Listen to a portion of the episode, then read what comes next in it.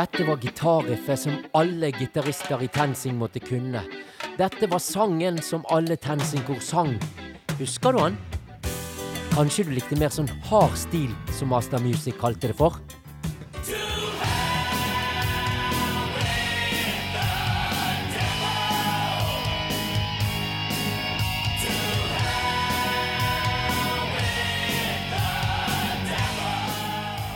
Eller kanskje dette var favorittsangen din? Han er min sang og min glede. Han er min Herre og Gud. Nå skal du få lov å være med og mimre. Fra den gang da da kristen rock og kristen pop var stort i Norge. Du skal få møte artister fra den tiden. Du skal få møte Olav Solvang, som har skrevet en bok der han tar for seg alle som driver med kristen pop og kristen rock i Norge.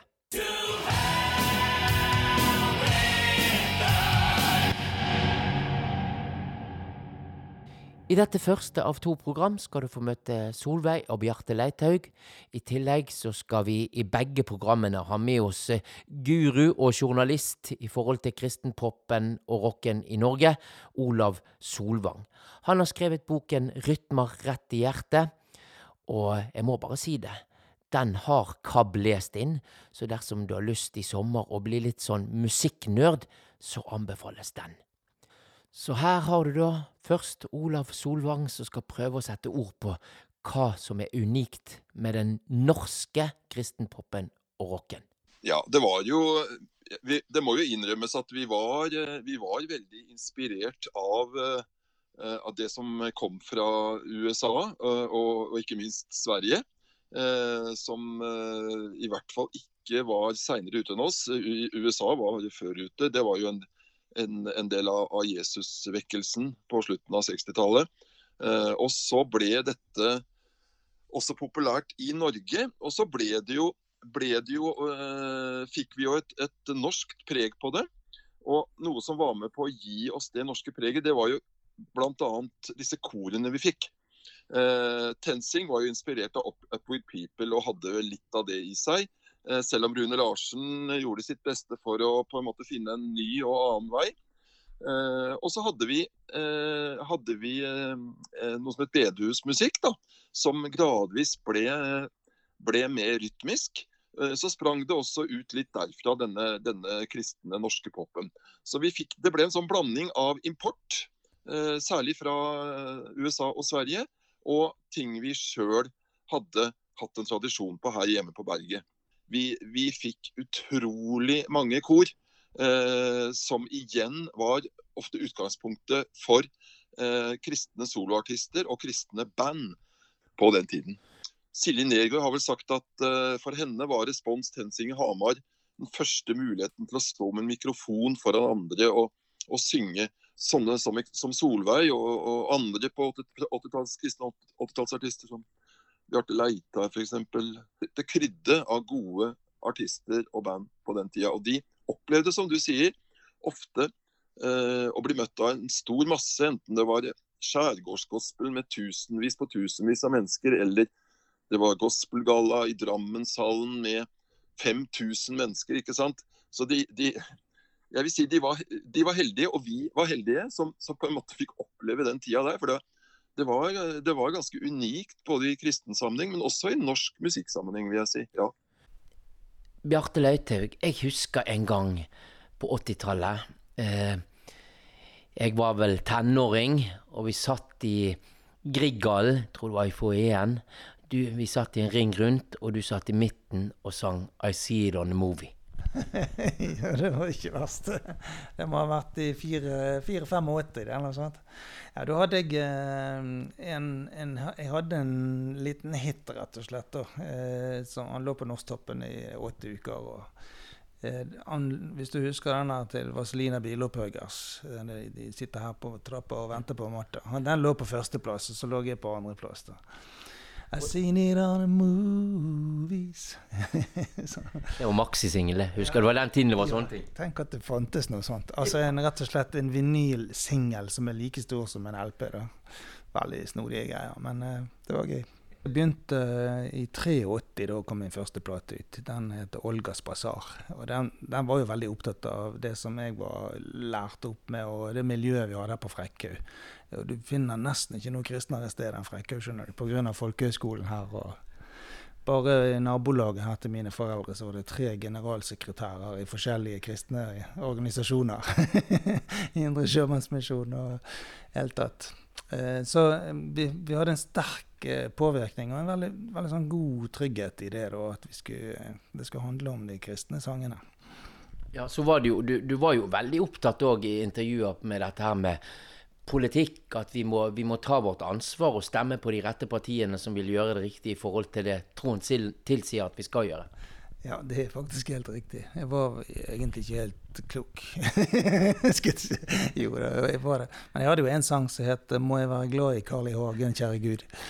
Um, Hva sa Gud? ja, Han sa du skal være glad i ham, men du trenger ikke tro på alt han sier.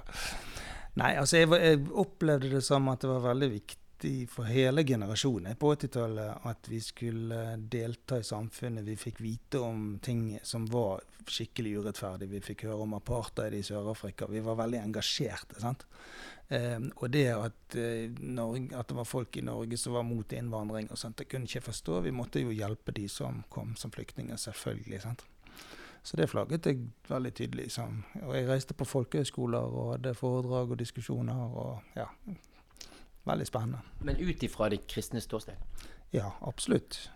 Men jeg fikk vite veldig mye, særlig det med Sør-Afrika. Eh, og jeg fikk òg møte Desmond Tutu når han fikk fredsprisen i 84. Så da skrev jeg en sang til han. Okolunga het den. Ja, den var jo på den maxien, den òg. Ja, den var, kom på maxien. og ble spilt en del på radio i det hele tatt. Den, den var med å sette en stemning om at eh, ja, vi må gjøre noe. Hvordan var det, da, å møte han? Det som jeg husker meg best, var at de norske biskopene som var der, de satt jo ganske eh, pent med foldede hender. Mens når det var musikk, så spratt jo Desmond Tutu opp og dansa sammen med musikerne i sin lange rosa prestekjole, liksom. så litt annen kultur. Jeg fikk òg reise på turné med Larry, Larry Norman. 14 eh, dager eh, med fulle konserthus over hele Norge. For han var virkelig en pioner når det gjaldt kristenrock. da. Why should the devil have all the good music? Sånn, Det må være lov å spille rock. Til, til min fars store fortvilelse. Han likte jo ikke dette. hva, hva, tror du som gjør at uh, den tiden der uh, folk gikk mann av huset for å se på, på uh, kristne artister, har gått litt tilbake? At ikke det store miljøet Vi har ikke det bladet Treff mer. og Nei, det er sant. Nei, det var, det var en egen kultur. Det, var, eh, de hadde, de hadde, det skjedde veldig mye som, som ikke skjer nå. Alle disse festivalene som ikke er der, f.eks. Eh, jeg, jeg, ser jo at menighetene nå bruker mer lovsang, som, som, og det er flott. Er ikke min stil. Jeg, har, jeg, jeg syns det blir litt kjedelig, for det er så likt hele tiden. Så jeg vil gjerne ha mer Kjedelig å spille det. ja, det var det. Så det var mye gøyere å spille noe som var litt trøkk i det. Men, eh, men ære være de som kan det. altså. Men jeg, jeg, tror eh, mange av menighetene velger en annen stil nå. Så, så det er ikke helt rom for det. Så jeg vet ikke hvem som skal sette i gang en ny trend der igjen. Også. Altså. Men det, det, viktigste er jo å ja, eh, kunne formidle det du mener, da. Nei, årene går. Eh, og vi må være forberedt på nye ting. Må, jeg tipper det kommer mye spennende innenfor rapp og innenfor tekno og i det hele tatt. Ja. Så meg og deg sitter her og sier uff for oss med, vet du. ja, vi er jo gitargutter. sant? Jeg elsker alt som er gitarbasert. Det, det, er jo noe med det, da. Så skriver jeg en og annen eh, låt innimellom. Så jeg gir ut en singel her og der. Det er litt det jeg gjør nå, da. En som heter Little Sister. Jeg har skrevet en sang til min søster. Så, um, så ja, hun var en modig jente, da. Så reiste til Amerika da hun var 18 år som artist. Og så ble hun her borte. Little sister, it's been a smile. You know I traveled half the world to see you happy,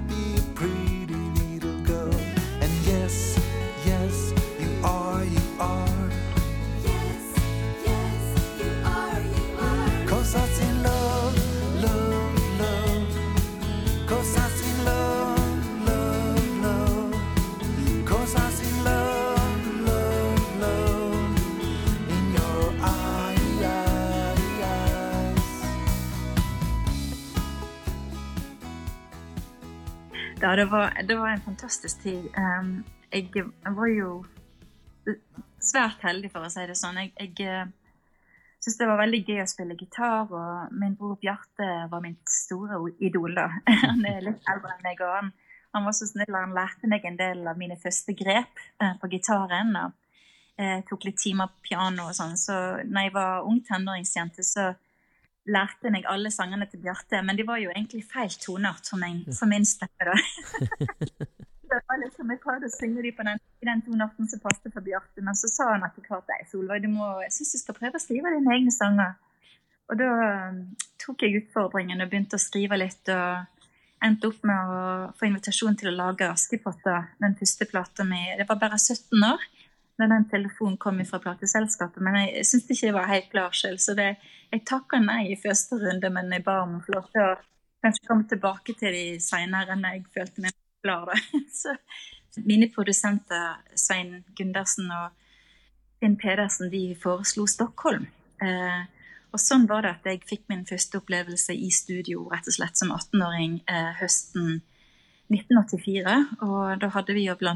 Eh, trommisen til ABBA, rett og slett, eh, Per Lindvold jeg fikk jo spille gitar sjøl, da. Det var så gøy, for eh, produsentene mine mente at, at, det var viktig å beholde hva skal jeg si, den delen av den jeg er som artist. da. Så jeg spilte faktisk gitar i studio i Stockholm med bandet. da.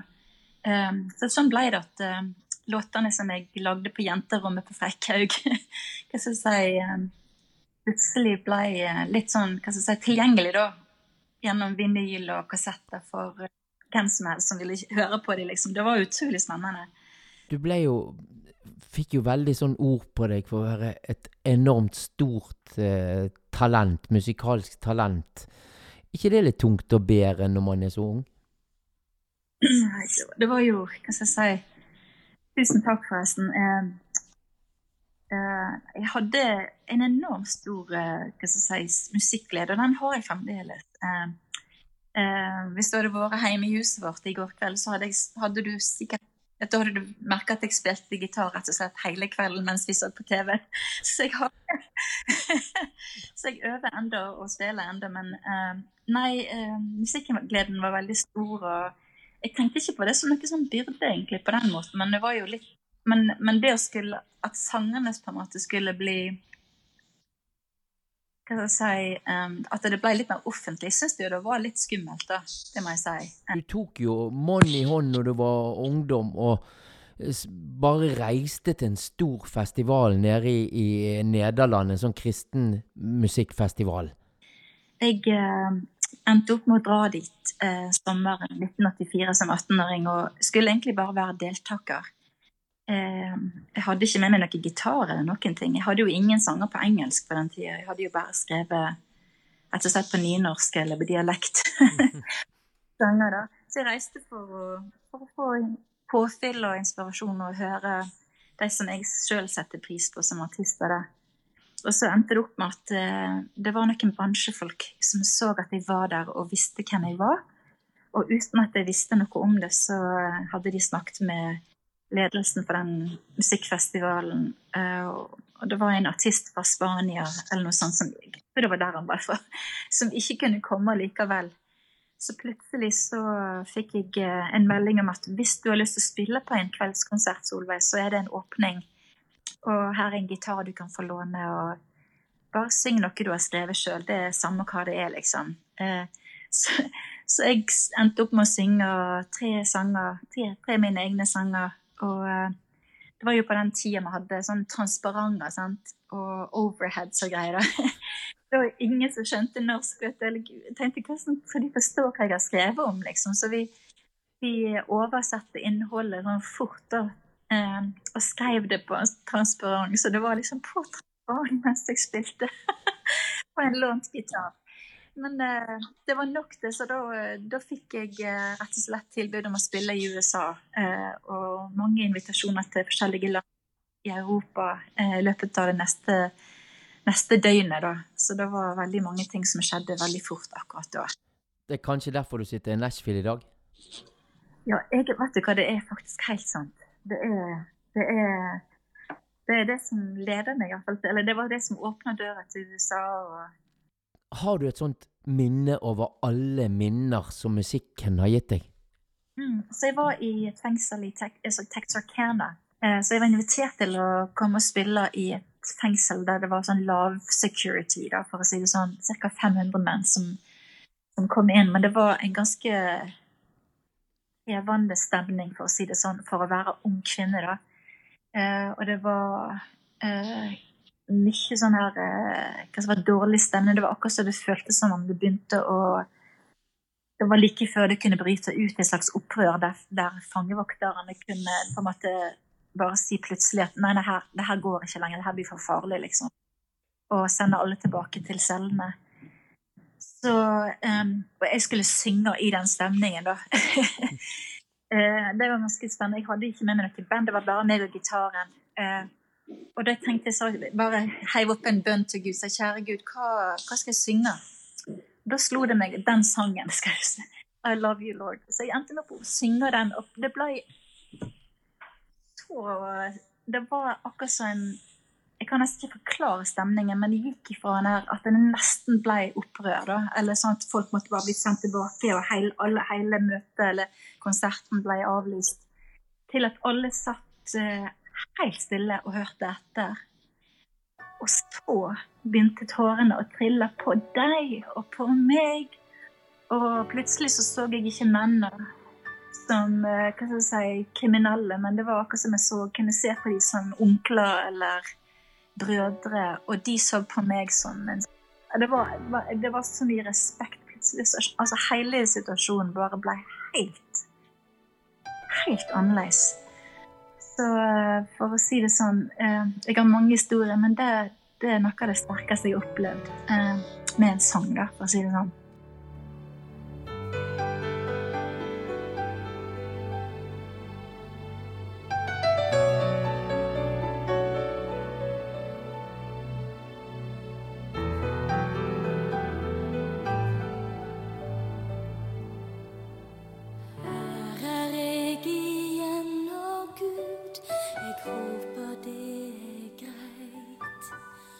Som oftast bryr